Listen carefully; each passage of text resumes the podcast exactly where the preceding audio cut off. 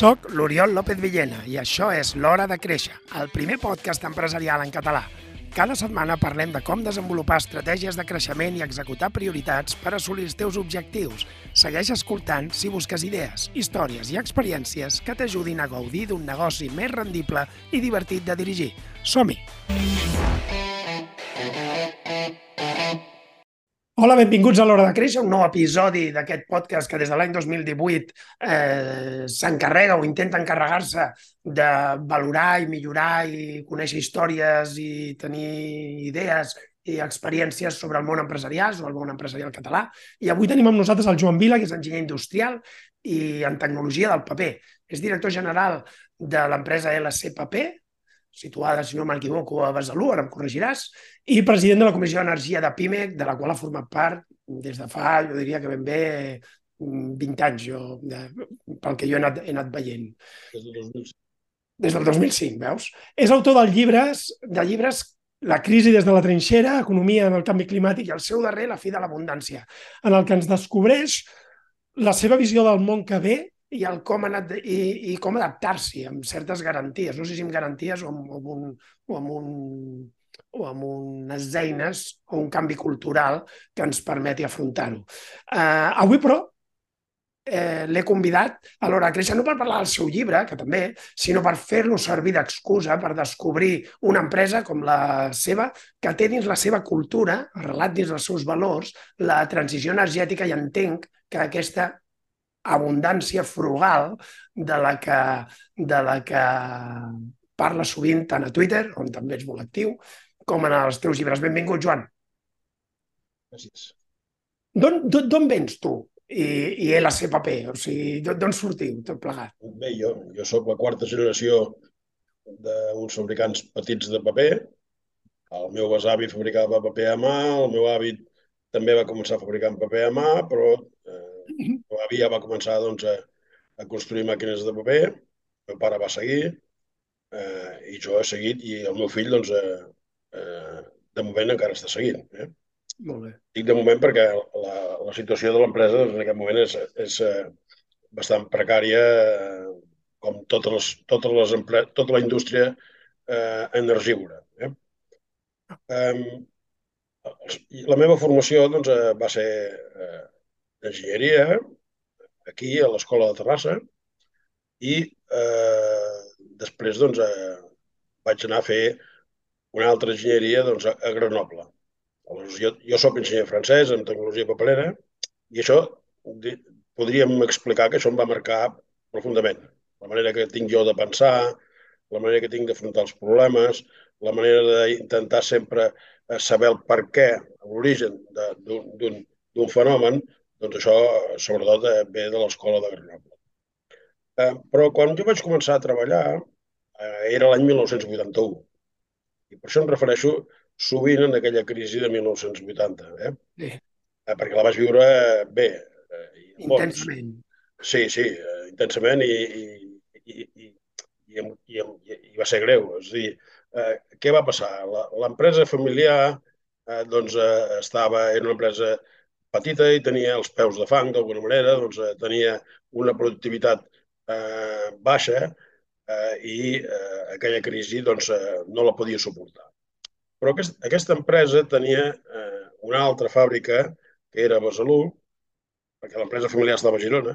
Mm. Llavors, aquesta empresa tenia una fàbrica a Besalú i aquesta fàbrica de Besalú eh, no tenia els problemes de excés de personal, per exemple, que hi havia doncs, a l'empresa familiar. Ah. I amb el meu pare doncs, eh, vam decidir que jo em situaria eh, a la fàbrica de Besalú, que tallaria tots els lligams amb l'empresa familiar i intentaria doncs, salvar eh, aquella empresa.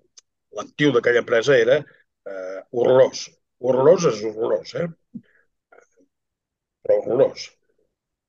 Eh, però, eh, bé, doncs amb, amb imaginació, sense cap ajuda financera dels bancs, perquè l'empresa familiar va acabar caient el, el 1983, sí. jo vaig estar, podríem dir, 10 anys sense recurs eh, financer dels bancs, havent de viure doncs, el que anàvem generant nosaltres eh, i havent de fer coses una mica amb molta imaginació. Per exemple, eh, em vaig inventar un tres torns i mig eh, de treball, anàvem eh, comprant material d'ocasió i l'anàvem incorporant en el nostre, en el nostre procés de fabricació cada mes d'agost, eh, i això ho fèiem doncs, eh, amb mecànics de, de l'àrea, amb paletes de l'àrea, amb electricistes de, de, del poble, amb, amb, amb, amb, amb, amb especialistes en alta tensió, diríem, de les comarques de Girona, i així va ser doncs, com, eh, si l'any 81 doncs, fabricàvem 3.000 tones, doncs eh, l'any 1989 doncs, eh, estàvem fabricant 15.000 tones. O sigui, li havien donat la volta eh, a la situació. I això explica, diríem, eh, el meu, el meu eh, món frugal. És a dir, eh, vam haver de eh, fer coses, o sigui, vam haver de superar aquell moment amb els nostres recursos i només amb els nostres recursos. No? I clar, això marca molt. Marca tant que tot el que va passar Després, tota l'enginyeria ens l'ha fet nosaltres, tota. Eh, no només ens ha fet enginyeria, sinó que, diríem, la construcció d'obra civil també ens l'ha fet, diríem, amb els nostres recursos. Eh, és més, és més, la màquina 2, que va ser una màquina que es va construir a l'any 1999, doncs eh, també la vam construir, diríem, nosaltres, eh, dissenyant eh, peces i fent-les construir eh, amb tallers de, de, del voltant, soldant-les a, a, a dintre del taller. Eh, eh, bueno, diríem que eh, va ser un, un aprenentatge de la frugalitat com eh, realment eh, difícilment eh, es faria d'una altra manera. No? Clar. I això doncs, eh, eh, ens, ha, ens, ha marcat, ens ha marcat molt. L'any 92 hi va haver eh, una altra crisi, eh? la crisi, diríem, derivada de, de, dels Jocs Olímpics i de, i de l'Expo de, de Sevilla i eh, aquella crisi es va resoldre relativament ràpid amb una devaluació sí. que, que va ser, va ser diguem, d'efectes immediats, eh, però aquella crisi la vam passar eh, portant a la pràctica doncs, una idea que jo havia pres a l'escola de Grenoble, que era que hi havia una cosa que, que es deia cogeneració que existia. Eh? I eh, vaig convèncer a Ener, empresa elèctrica Ener, eh, que féssim doncs, el, el projecte de cogeneració. I allò va ser un èxit total. És a dir, tant eh, com una empresa pública, Ener, que actuava d'una forma eh, diferent a la resta d'empreses públiques eh, de, del país, eh, com eh, eh, va veure, diríem, que es podia aliar eh, amb, amb una empresa que era insolvent en aquell moment, o que no tenia gaire solvència, i amb ells doncs, eh, eh vam resoldre d'una manera molt ràpida eh, el projecte. Total, que l'any l'abril del 2020, ai, del 1993, eh, 93, 93 eh, doncs, eh, vam posar en marxa la central de cogeneració. Ens va servir, com que estàvem en una crisi important i no teníem comandes, doncs ens va servir per agafar part del nostre personal per construir la central, eh? per ajudar els paletes, per ajudar els mecànics, eh? Eh, i, i allò va ser un èxit, un èxit, eh, però l'èxit encara va ser un èxit econòmic, vam acabar la crisi, eh, però l'èxit encara va ser més potent quan vam veure que érem capaços de, eh, de que teníem prou coneixement nosaltres com per fer projectes d'envergadura. I d'aquí va néixer posteriorment la idea de construir-nos nosaltres eh, una màquina de paper. Tampoc teníem els recursos per invertir diguem, en una nova màquina de paper, diríem, clau en mà, i vam decidir doncs, construir-nos nosaltres la màquina, és a dir, fer l'enginyeria, eh, construir, fer l'obra civil, que és complex. Una, una, una fàbrica de paper doncs, té, sol tenir un sòtano, eh, la màquina està posada diríem, sobre, sobre uns carrils, eh, hi ha un munt inoxidable perquè és un procés amb aigua. Um, doncs ens vam dedicar doncs, a això, a construir la màquina, soldant eh, a dintre, soldant al mateix taller de la fàbrica eh, i portant-ho a, a mecanitzar tallers del poble mateix de Besalú, o per exemple hi ha una peça doncs, d'11 doncs, metres doncs, que vam portar a fresar a Malgrat, eh, i altres peces doncs, eh, les vam comprar d'ocasió i algunes les vam encarregar a tallers específics. Eh? algun del País Basc i algun de Barcelona. I així va ser com va néixer doncs, eh, la, màquina, la màquina 2. És tot un camí autènticament frugal, o sigui, fet amb les nostres mans, amb, el nostres, amb la nostra imaginació, amb el nostre saber, i això ha anat continuant, diríem, amb tot el, el, el desenvolupament de l'empresa. Eh, posterior, el, el següent pas doncs, va ser una, una màquina de tissú. I aquesta màquina de tissú ja no la vam construir nosaltres, és a dir, perquè, entre altres coses, tecnològicament ja, ja, ja marxava una mica del, del nostre domini. Eh? Ah. O sigui, la màquina de, de paper que, que havíem construït, la màquina 2, doncs, eh, té una velocitat de 400 metres per minut, per nosaltres era relativament... Entrava dins dels paràmetres. Sí, això, hem conegut, dintre, entrava dintre el coneixement, l'altra màquina eh, a 1.800 metres per minut, eh, les coses són molt diferents. És a dir, ni, mecànic, ni mecànicament és el mateix concepte. Una màquina que va a 1.800 metres per minut doncs, eh, eh, té problemes d'equilibri de, de, rodaments, de disseny d'eixos de, de, de, dels rodaments, eh, de lubricació d'aquests rodaments, eh, bueno, diríem, té una complexitat que ja s'escapava una mica al nostre coneixement mecànic. No? I què vam fer? Doncs, eh, nosaltres vam fer l'enginyeria, com sempre, i vam encarregar doncs, a, a diferents eh, proveïdors doncs, eh, les parts de la màquina. Eh, uns eh, la màquina en si, uns altres doncs, eh, la campana d'aire calent, eh, amb uns altres eh, l'accionament elèctric, amb uns altres el control, amb uns altres el disseny del, del circuit de, de, de cap de màquina, del circuit d'aigua de cap de màquina, aquí, i, i vam establir a sobre diguem, unes quantes patents. Eh? Eh, diguem, aquest projecte, amb aquest projecte van néixer com a mínim dos patents. I vam posar eh, el projecte en marxa amb, amb idees pròpies, amb idees de, de mercat propi, i ens va portar eh, que, eh, com que l'avantatge de fer les coses tu és que has d'estudiar perquè les fas. Aleshores, eh, nosaltres no vam fer una màquina de paper com feia l'altra gent, sinó que prèviament vam estudiar què hi havia al mercat i quins productes hi havia al món. I això ens va portar a veure una cosa que passava als Estats Units, que és que hi ha una tecnologia que es diu TAD, Through Air Dry, que és una tecnologia que només es pot, només es pot eh, aplicar als Estats Units. Eh? A veure com ho explico, això. Eh, en, el, en el món de la fabricació de paper hi ha tres operacions bàsiques. Una és la filtració, una altra és el premsat i una altra és l'assecat. Cada una va al límit on pot arribar perquè la següent pugui tenir, pugui, eh, tenir més eficiència. Vale. Per exemple, la filtració va tan lluny com sap perquè o tingui menys aigua en el premsat. I el premsat va tan lluny com sap perquè hi hagi d'haver menys assecat. Eh? I així doncs, eh, eh, s'obté la màxima eficiència en el procés. Bé, doncs els americans, en el món del tissú, molt americà això, sigui, van dir l'operació del premsat eh, ens fa perdre volum, el volum és una propietat important en el món del tissú, doncs saps què farem? Traurem el premsat. Només se li pot ocórrer, ocórrer a un americà, eh? de veritat. Doncs eh, fora. Una, una, una de les tres operacions bàsiques, fora. El resultat va ser que l'aigua que s'havia d'esprema en premsat, que s'havia d'extreure per premsat, doncs s'havia de, de secar amb calor. Per tant, eh, el, el consum d'energia passava de 3 kWh per quilo a 7. I, eh, clar, això era difícil de vendre. O sigui, era un, un increment de cost, diríem, important. I eh, què van fer?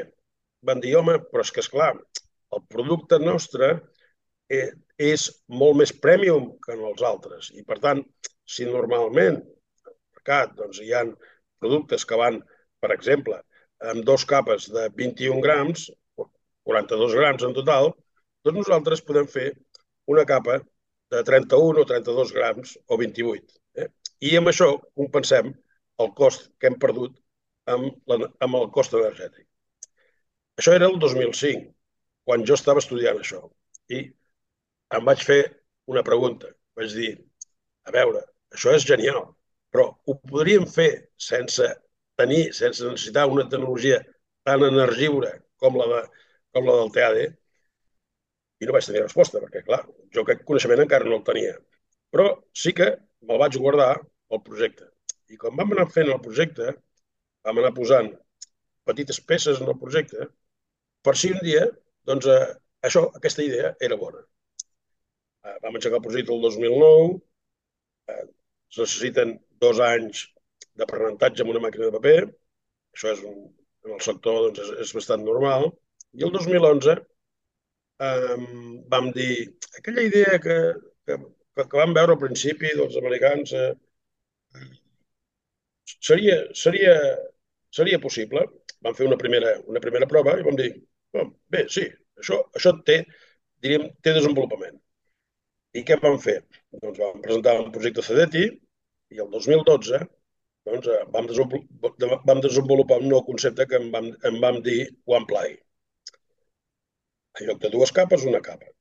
I nosaltres molt contents perquè, a més a més, de baixar, diríem, el contingut de, de material, de gramatge en el paper, doncs, eh, eh de forma substancial, a sobre, a sobre, eh, fabricant-lo amb, amb tecnologia convencional, el consum d'energia era molt més baix. T'he dit, normalment són 3 kWh, eh, el TAD són 7, doncs eh, nosaltres ens vam posar a 2,1. Molt bé. Va, I, I a sobre, diríem, posterior, posteriorment, introduint la cogeneració, vam, vam baixar a 1,7. Però vam dir, ui, això és, això és una bomba. És dir, estem baixant els costos energètics de forma important. La sorpresa va ser que el mercat ens va dir que no. Acaba de dir, no, no, jo estic acostumat a anar amb dues capes, no, no facis... A... Jo, no, jo no vendré això als meus clients, eh, una Clar, capa. Paper, un paper higiènic, no sé, de, de dues capes, d'una capa, com normalment entenem que més capes millor. Això, Clar. això, exactament. Um, era un problema conceptual i també de eh, de, com es diu, de prescripció. Eh? És a dir, nosaltres teníem al mig uns convertidors que eren incapaços de, de, de, de, de fer entendre al client final que això era bo per a ell. Eh? Aleshores... Eh, eh... Eh? Ho he comprovat, eh? El vostre no, paper, no. fins que l'heu anat fent, ha estat aquí a casa.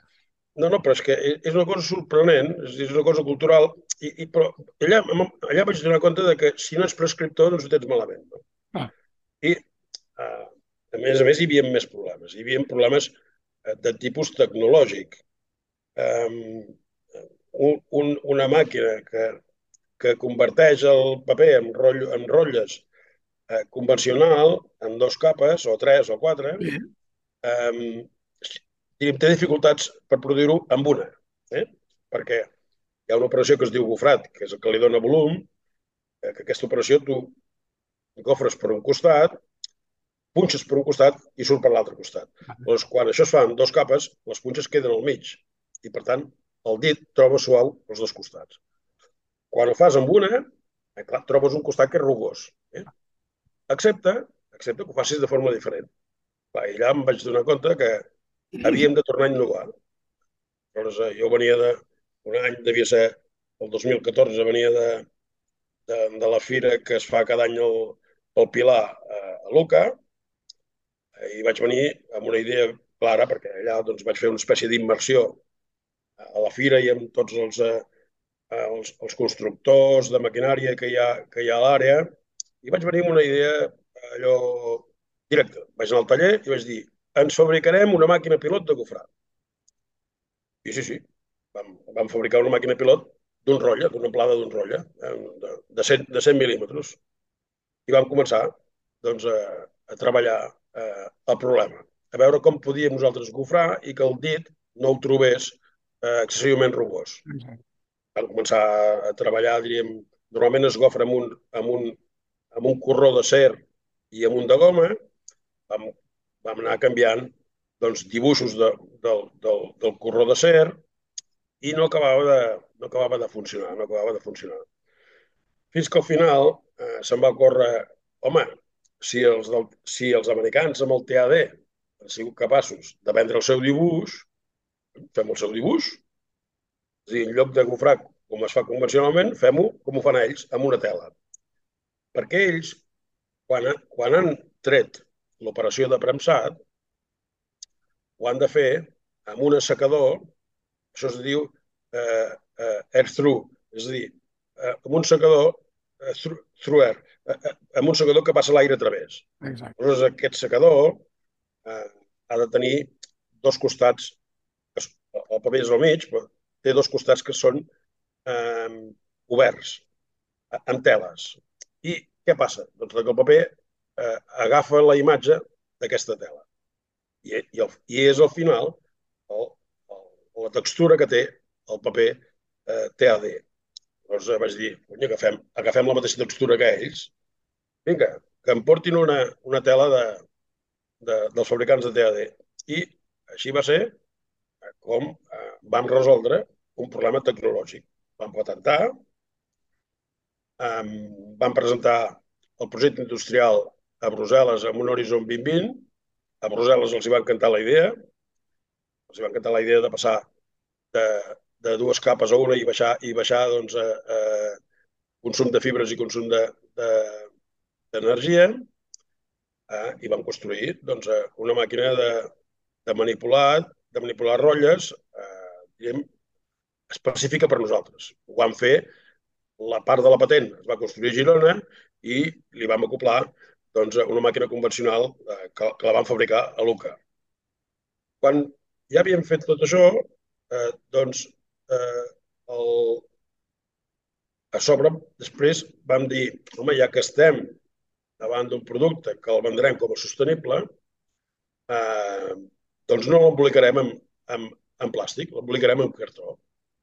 I aquí va començar un altre, un altre desenvolupament. És a dir, com posem els rotlles a dintre doncs, d'una caixa de cartró. I ens vam decidir Exacte. per una tecnologia que, que es fa servir en el món de, de, de les ampolles i de les conserves, que és eh, una, una màquina de wrap around, que és a dir, és una planxa, es plega sobre del producte i conforma la caixa. No?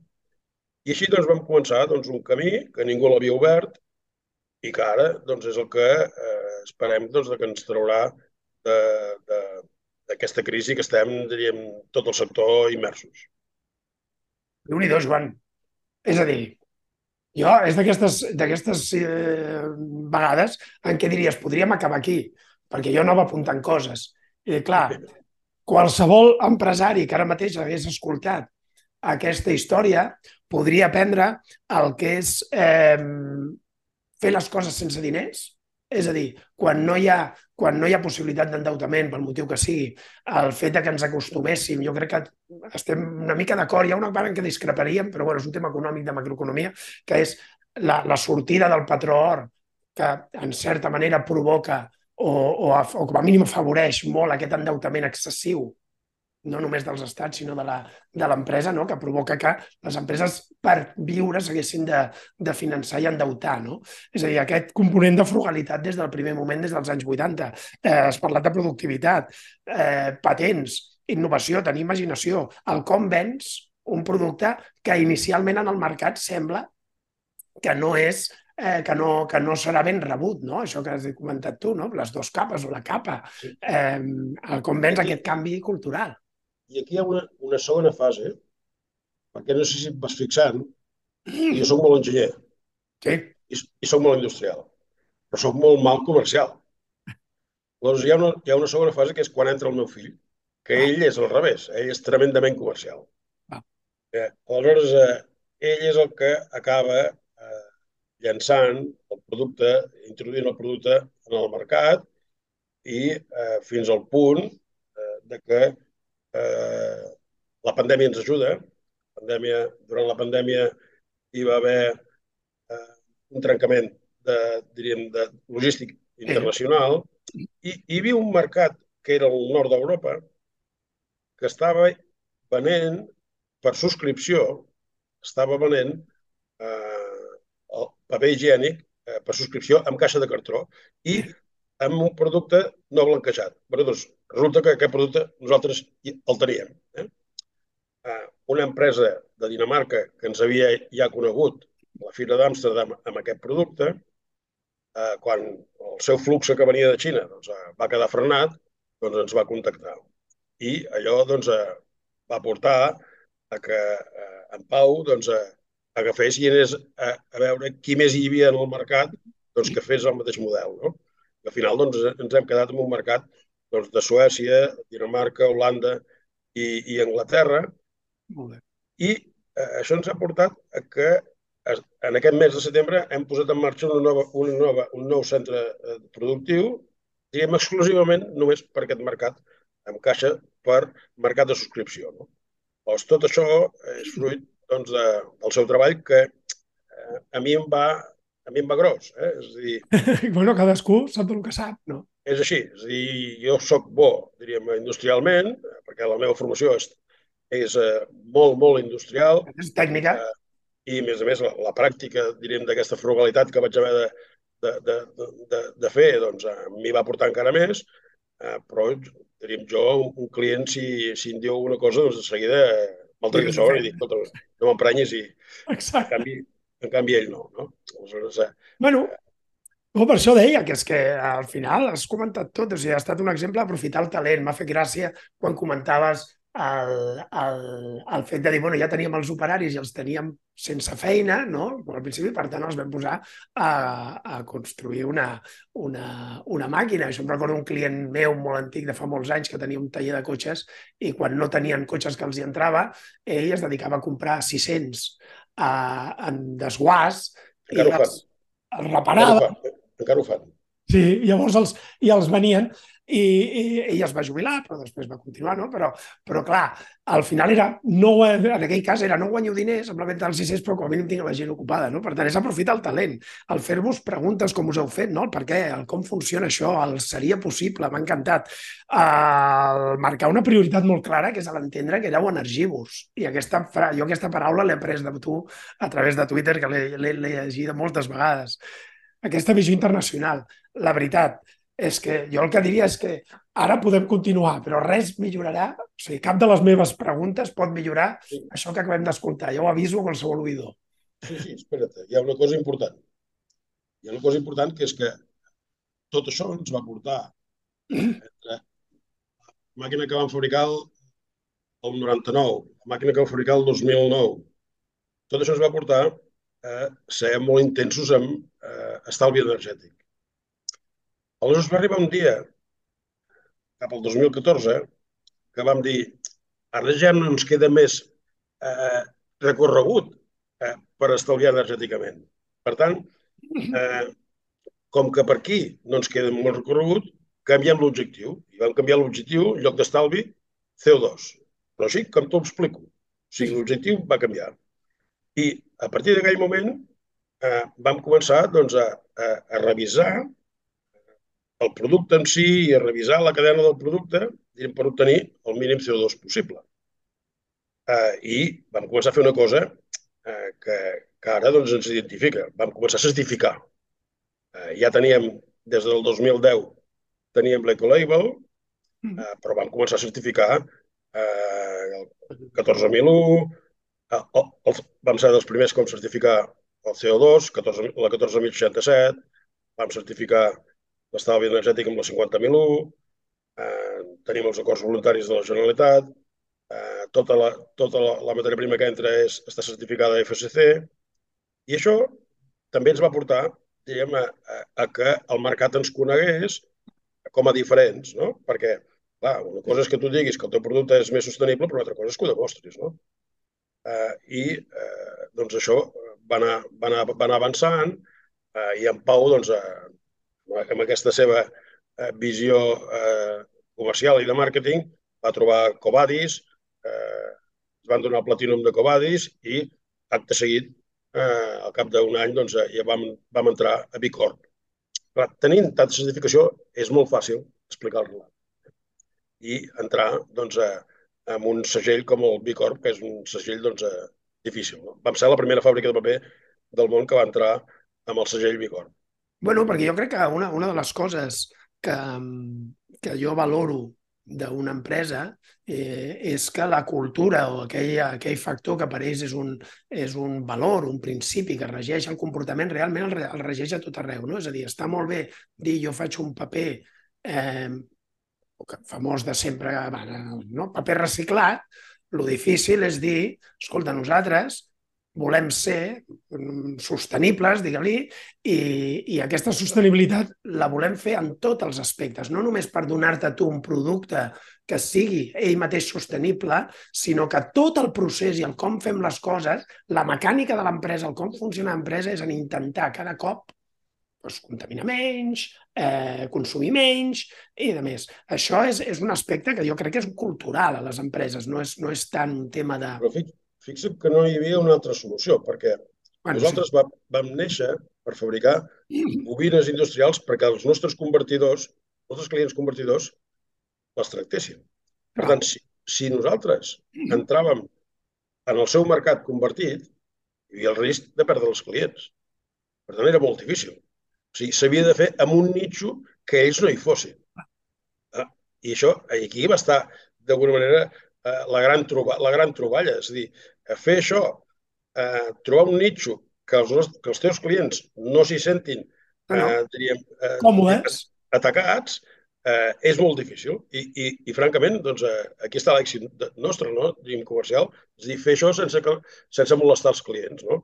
Eh, i, I sobretot aquest mercat del nord d'Europa eh, ha sigut eh, bastant clau, però fins i tot ara, doncs, eh, en, el, en, el, en el clients eh, nosaltres anomenem institucionals o industrials, eh, com per exemple doncs, és l'aeroport de Barcelona o, els, o els, les universitats de, de Catalunya o, o eh, alguns eh, hospitals, eh, eh, diríem, eh, anem al paper sense molestar els nostres clients, o com a mínim massa clients, no?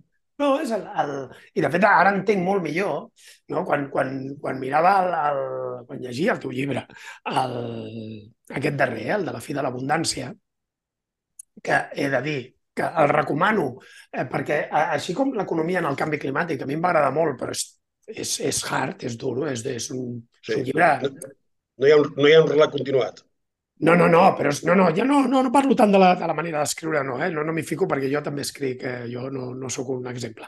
Però eh, em refereixo que és dur en el sentit que hi ha molta dada, és un llibre, és un llibre molt treballat a nivell, no, no sé com dir-ho, eh, tècnic. El, aquest de la fi de l'abundància realment el que et fa és obrir-te la, el, la ment, no? el, el com pot funcionar el món. I, I ara entenc molt millor aquest, aquest començament que tu planteges, aquest rap de la paradoxa de Jevons, no? És a dir, entenc molt més amb el, amb el sentit que, que, que tu el vols explicar, no? que no s'assembla al que jo potser inicialment havia entès quan me'l llegia. El, per qui no ho sap, la paradoxa de Jevons, eh, bueno, el llibre jo us el recomano, però a més, només el rap ja val la pena. D'acord? Jo crec que amb això ja pots saber-ho tot. Què, què és la paradoxa de Jevons? Jevons és un economista anglès que el 1865 va percebre que com més eficient era la màquina de, de, de vapor, més consum de carbó doncs, eh, hi havia. I clar, això és una paradoxa, perquè una màquina més eficient doncs, el que ha de portar és menys consum. Però què passava? Les màquines de vapor doncs, van néixer per, per extreure l'aigua que hi havia a les mines de carbó. Aleshores, eh, si la màquina era més eficient, doncs, eh, treballava més hores extraient aigua i, i s'hi posaven més màquines. Per tant, doncs, eh, eh l'augment va créixer. No? Clar, això, transportat avui, ha passat amb els cotxes. Els cotxes doncs, eh, més eficients hem anat més lluny, els, avions, els avions més eficients hem anat més lluny i hem anat més sovint.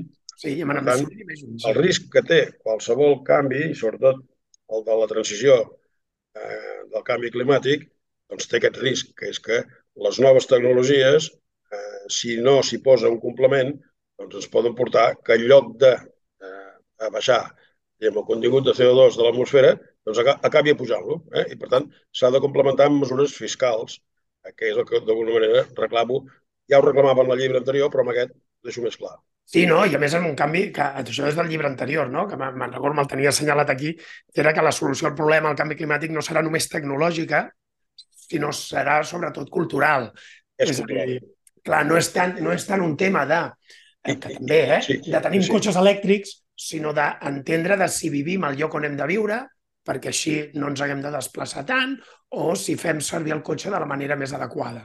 Sí, sí, és un canvi, un canvi de, manera, de maneres de fer. Però és que segurament eh, en el llibre anterior, doncs, amb això m'hi referia, diríem, per frenar aquest efecte, la paradoxa de Jabons, però en aquest altre llibre eh, ja poso una altra variable que és que possiblement i ho haurem de fer per, per culpa de l'endeutament eh, global. Eh? Encara, hi ho estava, encara hi ho estava, ho estava calculant. En els darrers 41 anys, eh, el deute mundial és 1,7 vegades el PIB. Sí, sí. Això ja, ja indica que alguna cosa eh, està fallant de forma estrepitosa. És, és tan clar que l'economia no sap créixer, no sap funcionar si no hi ha més deute, que això és una barbaritat. Ah. Aleshores, és clar, ja no és només efectes jabons, sinó que ara ja és un problema de model econòmic. És a dir, l'economia eh, se'ns ha posat en un nivell on eh, possiblement doncs, eh, caldrà repensar-la repensar del tot. Eh? De fet, cada vegada moment... que, que us llegeixo amb aquest tema, i aquí és on discrepem de, de l'origen, no, no del diagnòstic. El diagnòstic final és exactament el mateix el que jo penso, és a dir, l'endeutament global. Eh, ens, ens hem acostumat al fet de que créixer primer no és una opció, sinó una obligació, per exemple, a les empreses. Sí. D'acord? I per això quan ens parlen de frugalitat, d'austeritat, podríem dir a tothom se'ns posen els pèls de punta. Jo, que em dedico a ajudar les empreses a créixer, sempre dic que créixer no és un, un tema de volum, que créixer és, és, és a vegades millorar internament, d'acord? Però costa molt fer entendre en el món empresarial, per exemple, que el creixement no és necessàriament fer més o produir més, sinó que a vegades és un tema personal i és un tema... Clar, eh, ens hem acostumat a no haver de renunciar a res. Aquí jo crec, i aquí jo crec que rau el, el problema de l'endeutament. Ara, jo discrepo en que això jo crec que no neix a les finals dels 70 o a la crisi del 73 o per ahí, ni al 71, sinó jo ho posaria molt abans. Jo ho posaria ben bé a primers del segle XX, eh, a, quan ja comencen a, a visualitzar-se que l'abandó del patró serà un, serà un fet. És a dir, a, a partir de la Primera Guerra Mundial es comença a veure que el patró s'abandonarà. I a partir d'aquest moment és quan ja veus que sí, el 71, d'acord, cau ja. Però, però fins llavors ja s'han fet diversos intents, no? Possiblement. possiblement. Però fixi que eh, la trampa és la següent. La trampa és una equació, tan senzilla com que la producció és igual a la productivitat més el capital. Eh, el que s'ha fet en els darrers, com a mínim, des de l'any 80, és fer-ho tot, tot, tot només amb capital. Mira, la productivitat de Catalunya, el, el PTF de Catalunya, en els darrers 20 anys, és del 0,2%. Imagina't. Eh? Aleshores, eh, si tu ets consultor en una empresa, li has, de, li has de poder dir és que tu pots millorar els teus resultats millorant la teva productivitat, no només augmentant la producció per treballador, sinó també disminuint els recursos que estàs fent servir. Eh? I aquí està la clau, a mi em sembla. Aquí està la clau d'ara, és a dir, fer entendre al món de l'economia que el que ha de fer per millorar la seva productivitat és baixar els seus recursos, baixar el seu consum d'energia, baixar el seu consum de matèries primeres. Eh... Ah. El, el, el, com posaries des de, des de... Tal com ho dius, que bàsicament seria posar la, la frugalitat no? dins de l'estratègia de creixement de l'empresa. O sigui, semblen com dos conceptes eh, totalment contraris, no? És a dir, com, com ets frugal i alhora, i alhora creixes, tu poses en un, en un, en un plantejament amb l'abundància, no? Jo vaig acabar amb aquest jo crec que aquest concepte el, el vaig llegir tu, no? d'abundància frugal, no? El, el, poder, el poder ajuntar les dues coses. O sigui, tenim de tot, però fem un ús... mentre obtens. Tenim de tot, però només fem l'ús necessari. Exacte, és a dir, tenim la tranquil·litat, és a dir, és aquell punt de riquesa que a vegades es defineix però la gent no l'entén, no, no més que la riquesa de patrimoni, que és allò de dir, un ric no és qui té més, sinó que té el que necessita o el que sense sí. preocupar-se. Sí, sí. Seria ben bé això, no? Sí, sí. I... Bueno, ja saps que en el llibre explico, diríem d'alguna manera, la trampa psicològica que ens ha fet l'economia, fer-nos creure doncs, de que la dopamina ens fa més feliç. Eh? Exacte, sí, això t'ho anava a comentar. És a dir, tu, tu poses en un dels darrers capítols, no me'n recordo quin, però, però poses el... Per exemple, l'exemple, parles del llibre aquest del Robert eh, Lastic, no? I quan parla sobre la dopamina i la serotonina i, i sobre... I, I el primer que tots associem és els nens amb el mòbil, no? Que se'ns ha dit a tots la dopamina perquè és ràpidament, és, és el que obtens ràpidament plaer, però no aporta la felicitat. Sí. En, en canvi, la serotonina és el que genera sí, aquesta sí, sí. felicitat. Això en el món empresarial com ho, com ho incorporaries? No ho sé, és difícil, és difícil el món empresarial. És a dir, eh, perquè és una component psicològica, és clar. Um, a vegades és l'ego. Sí, eh, fixa't, la, la, la serotonina doncs, implica acceptar-te tu mateix. Eh? Um, sobretot, sobretot acceptar-te tu mateix. És a dir, saber quin és, com ets, eh, quines són les teves febleses, quines són les teves virtuts i acceptar-te i intentar doncs, que el teu voltant doncs, t'accepti així. No? Um, això en el món empresarial, bé, suposo que, que eh, amb aquestes relacions que hi ha entre proveïdors i clients eh, i, i dintre la mateixa empresa amb els treballadors, doncs eh, és una cosa que es pot treballar. No? Eh, de fet, el que ens passa en aquest moment des del punt de vista comercial amb els nostres clients europeus és una mica això. O sigui, ells ens veuen com la seva salvació a, a, diríem, a, ser, a poder ser una mica més sostenibles. Bé, diré que l'aeroport de Barcelona també ho veu així, eh? O sigui, l'aeroport de Barcelona i, eh, per exemple, eh, moltes eh, eh cadenes hoteleres de, de nivell doncs, eh, eh, ens agraeixen que nosaltres els hi podem facilitar doncs, productes que amb ells els ajuden a ser més sostenibles. Eh? I no només el producte, sinó també el, el relat, que és important. Això és una mica, segurament, eh, el, que, el, que, el, el camí que ve. No? Eh, hi ha una altra cosa que, que també és important i que més o menys la cito al llibre, que és que l'economia se'n va cada vegada a més servei i menys, menys material.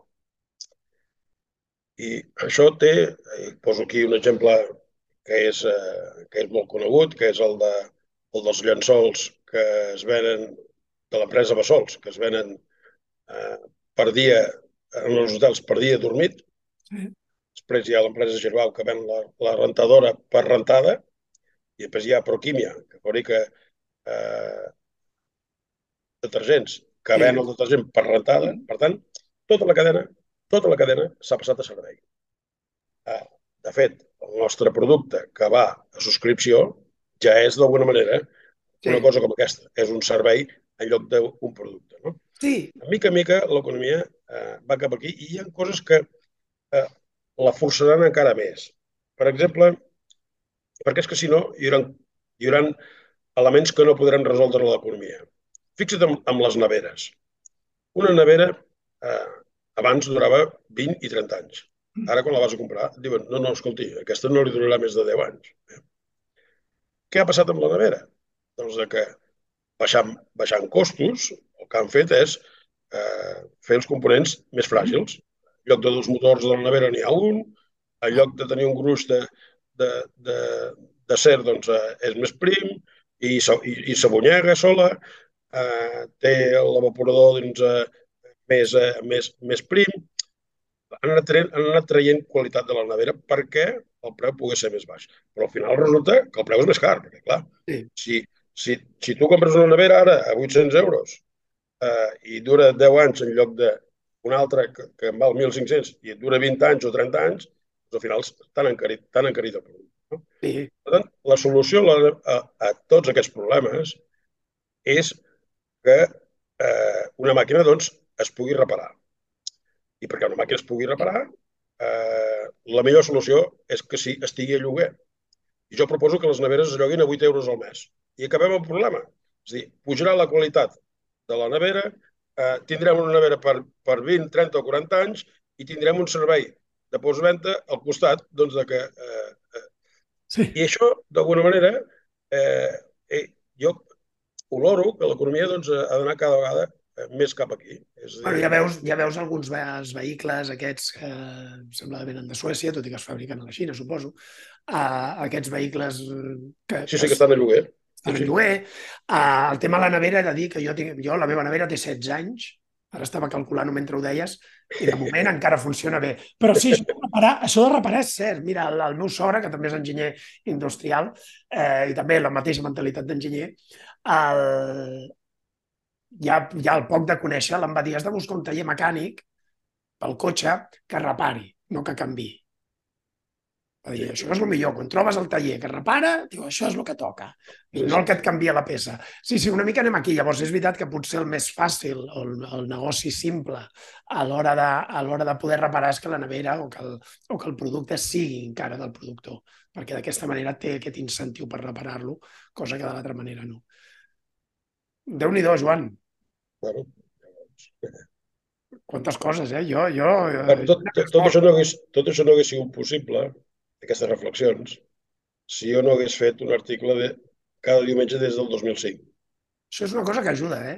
Jo escric Home, no, sense això no hagués sigut possible. Clar, jo he fet autèntiques investigacions per escriure un article. Ah. I, i, I jo m'he vist atrapat en un concepte i, per tant, l'he hagut de desenvolupar. Sí, sí, sí. Uh, i, no, I no contradir-me a mi mateix. Uh, bé, doncs això, doncs... Uh, Escolta, això, són, això, molt, que dius, són molts anys. això que dius és una cosa, és molt interessant, però jo, jo ja fa molts anys que tinc un, un... Jo escric setmanalment des del 2009, d'acord? Primer a premsa i després eh, en el meu propi butlletí. I també ara en premsa encara, eh? però, no, però no setmanalment. I és veritat que quan tens l'hàbit, quan has de- has d'escriure cada setmana, t'obligues a saber del que escrius, com a mínim, si no vols complicar molt l'article, potser no el compliques gaire, aquell article, i no has de saber moltes coses. Però, clar, quan has escrit cada setmana, en el teu cas des de l'any 2005, Sí, sí. això vol dir que cada miqueta que has anat aprenent, una piqueta, poquet, això és un coneixement acumulatiu així. que, que et dona aquestes idees. I és una recomanació que a vegades... Mira, jo ahir li deia al meu fill, no? Eh, Sí. li, li plantejaven, li, li havien posat un notable en lloc de... I ell deia, clar, però m'ha dit, per, a francès, escrivint una, un text, no? un nano de batxillerat, i diu, diu clar, m'han dit que havia de fer 70 paraules, i però clar, jo ho he explicat més ràpid. I ho he explicat només, i que havia d'intentar. I dic, clar, perquè a vegades has d'entrar més al detall, o sigui, saber explicar eh, com és aquesta ploma i explicar-la i detallar-la t'obliga a fixar-te en els detalls, t'obliga a, a fixar-te en el fabricant, i això fa les, les 70 paraules. D'acord? És a dir, això fa les 70 paraules i més. I crec que a vegades els empresaris haurien, els líders, els directius, haurien de fer aquest exercici de setmanalment fer alguna cosa, o sigui, aprendre. pel, pel seu propi ús. Jo quan, quan, quan en Pau tenia 18 anys, eh, li vaig dir, dic, escriu, encara que facis un diari, escriu. Llavors no ho va fer, però ara escriu cada setmana. Això ja passa, eh? eh? Això diuen, no? Que no, no, no, els fills no fem cas a l'inici, no? Bé, però ara als 28 doncs, eh, Exacte. escriu i escriu a l'econòmic i, bueno, és- Sí, bé, exacte. perfecte, perfecte. No, no. Però s'ha d'escriure, de veritat, perquè és que si no les idees no surten i tu no fas aquest esforç de, eh, de, de, de fer la immersió en, no, en, en nous conceptes. Exacte. Molt bé, doncs escolta, moltes gràcies, Joan. A més, crec que aquesta reflexió final eh, ajuda a tota la llista d'aspectes que crec que avui hem après, que no els diré tots, però que van des de, vamos, des de la productivitat a la successió, perquè també s'ha de dir que, la, que el, el, el, el com esteu gestionant, o la sensació, com a mínim, des de fora, del com esteu gestionant aquest, aquest futur, eh, s'ha de dir que des de fora sembla un, un, una gestió molt, molt bona i molt correcta, és a dir, cadascú té les seves especialitats i, i deixem fer eh, en, cada, en cada àrea, i això està molt ben pensat, la veritat, Joan. Escolta, ha estat un plaer tenir-te a l'hora de créixer i, i m'encantarà reprendre i m'encantarà seguir aprenent de tu. El Joan el podeu, a part de comprar els seus llibres, d'acord? Que en té un altre, en té un tercer, que jo li deia al principi, que no, abans d'entrar, no? que, que no, no en sabia de la seva existència, però que forma part del que seria, seria una, trilo, una trilogia, d'acord? I que el primer era la crisi des de la trinxera, economia del canvi climàtic i la fi de l'abundància. Vull dir, jo us el recomano, la veritat, i, i ara potser dic una cosa que no t'agrada, però ni que sigui per anar-los llegint per capítols sueltos. És a dir, de, la, la, la, l'avantatge d'aquests llibres tal com estan escrits és que, home, l'ideal és llegir-los en ordre. Però que si agafes el capítol 10, dic per l'atzar, eh, del llibre també n'aprendràs. I això també és molt bon un llibre perquè sempre el pots tenir al costat. Eh, el podeu seguir a Twitter, eh, perquè ets, ets actiu allà i a mi eh, i és algo que, que, que m'interessa. A més, és de Llanàs, jo, jo que, que he esquiat, bueno, jo no, els meus fills han esquiat a l'esquí Club Camprodon durant molts anys i he anat per allà durant molts anys. Eh, també ho agraeixo, gent de, gent de, de la vall de Camprodon, d'acord? I, I res més, i, i la web de la CPP. Moltes gràcies, Joan. Gràcies a vosaltres.